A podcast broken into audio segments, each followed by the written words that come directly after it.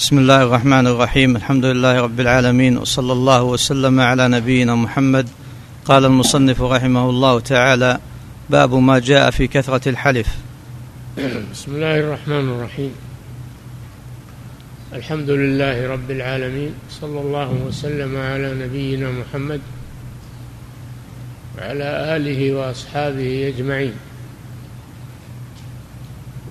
ما بعد فإن الحلف هو تأكيد الأمر بذكر معظم بذكر معظم وهو اليمين. والحلف سبق له باب خاص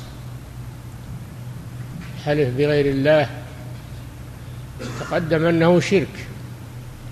لا يحلف إلا بالله عز وجل. فلا يحلف بغيره من الأصنام ولا والمخلوقين لأنه لا يستحق التعظيم إلا الله سبحانه وتعالى. الحلف بغير الله شرك أو كفر كما سبق.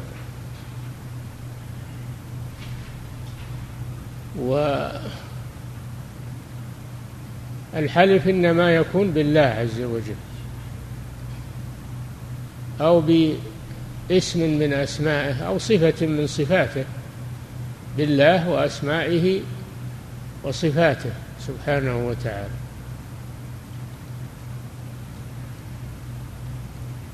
وإذا حلف بالله فإن هذا الحلف يحفظ ويعظم ولا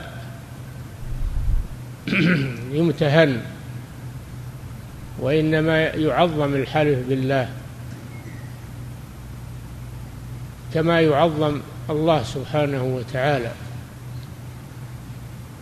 والاستهانة بالحلف دليل على النفاق وهو نقص في التوحيد. ومن الاستهانة بالحلف الإكثار من الأيمان. لأن الذي يكثر من الأيمان دليل على أنه لا يبالي بها. أما إذا عظم اليمين فإنه لا يكثر منها احتراما للتوحيد. فالإكثار من الحلف دليل على الكذب. قال تعالى في المنافقين ويحلفون على الكذب وهم يعلمون. قال تعالى ولا تطع كل حلاف مهين. حلاف يعني كثير الحلف. كثرة الحلف تدل على الكذب وتدل على الاستهانة بها. والاستهانة بها استهانة بالتوحيد. الله جل وعلا قال واحفظوا أيمانكم أي لا تحلفوا. أو إذا حلفتم فكفروا.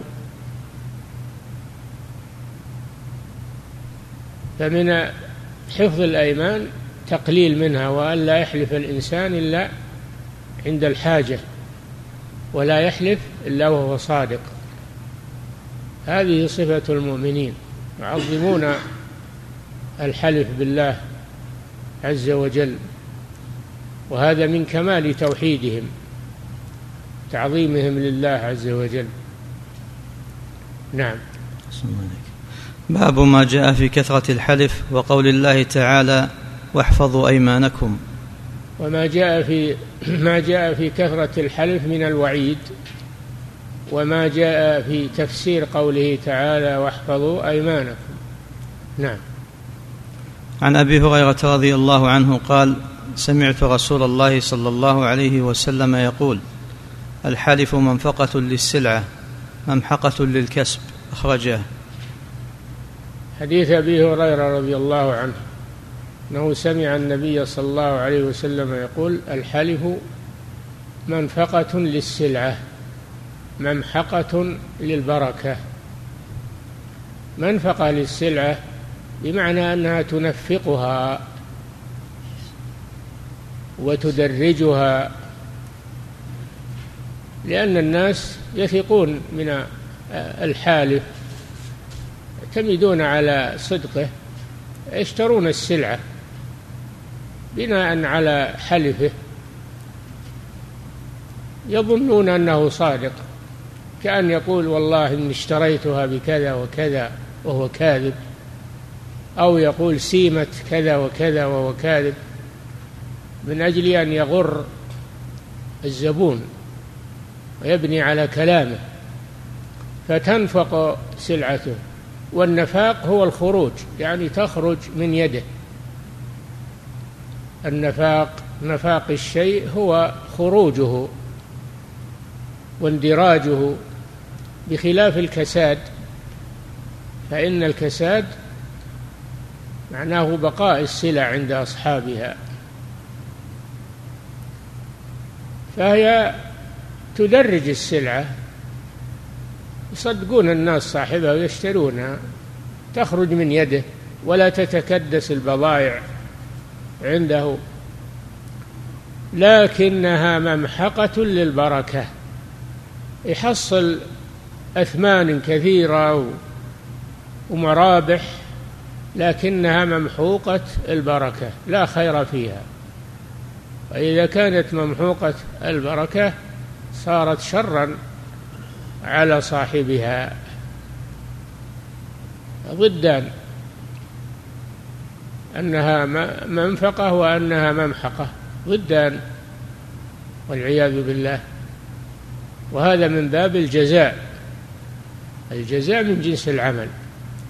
فلما نفق سلعته بالأيمان الكاذبة محقت بركة بيعه وشرائه وتجارته وإن كثرت في عددها لكنها قليلة من ناحية البركة لا لا بركة فيها ولا يستفيد منها صاحبها. نعم. هذا فيه فيه النهي عن عن الحلف في البيع والشراء. وأن الإنسان يصدق بدون حلف. الصدوق صدوق بدون حلف. والناس يعرفونه ولو لم يحلف. نعم. وعن سلمان رضي الله عنه أن رسول الله صلى الله عليه وسلم قال ثلاثة لا يكلمهم الله ولا يزكيهم ولهم عذاب أليم. وشيمط زان وعائل مستكبر ورجل جعل الله بضاعته لا يشتري إلا بيمينه ولا يبيع إلا بيمينه. رواه الطبراني بسند صحيح. نعم عن سلمان يحتمل أنه سلمان الفارسي رضي الله عنه يحتمل أنه سلمان غيره من الصحابة. أن رسول الله صلى الله عليه وسلم قال ثلاثة ثلاثة من الناس لا يكلمهم الله يوم القيامة لأن الله جل وعلا يكلم المؤمنين ويكلمونه تكريما لهم. وهذا الصنف من الرجال لا يكلمه الله إهانة له إهانة له. ثلاثة لا يكلمهم الله يوم القيامة ولا يزكيهم لا يطهرهم من الذنوب والمعاصي. ولهم عذاب أليم عذاب شديد مؤلم والعياذ بالله. من هم هؤلاء الذين هذه صفاتهم الشنيعة؟ بينهم صلى الله عليه وسلم. قال أشيمط زان. والأشيمط تصغير أشمط وهو الذي بدا فيه الشيب ومع هذا يزني يقع في الزنا جريمة الزنا مع أنه كبير السن والعادة أن كبير السن ليس فيه قوة شهوة فكونه يزني وهو كبير السن دليل على أنه يحب الزنا أما الشاب فقد يزني لغلبة الشهوة. وهو لا يحب الزنا لكن تغلبه الشهوة والشباب فيقع في الزنا. أما الشيخ الأشمط الذي بدا فيه الشيب ضعفت قواه كونه يزني في هذا السن هذا دليل على أنه لا يأنف من الزنا وأنه لا يأتيه لشهوة وإنما يأتيه لرغبة. لرغبة فيه والعياذ بالله.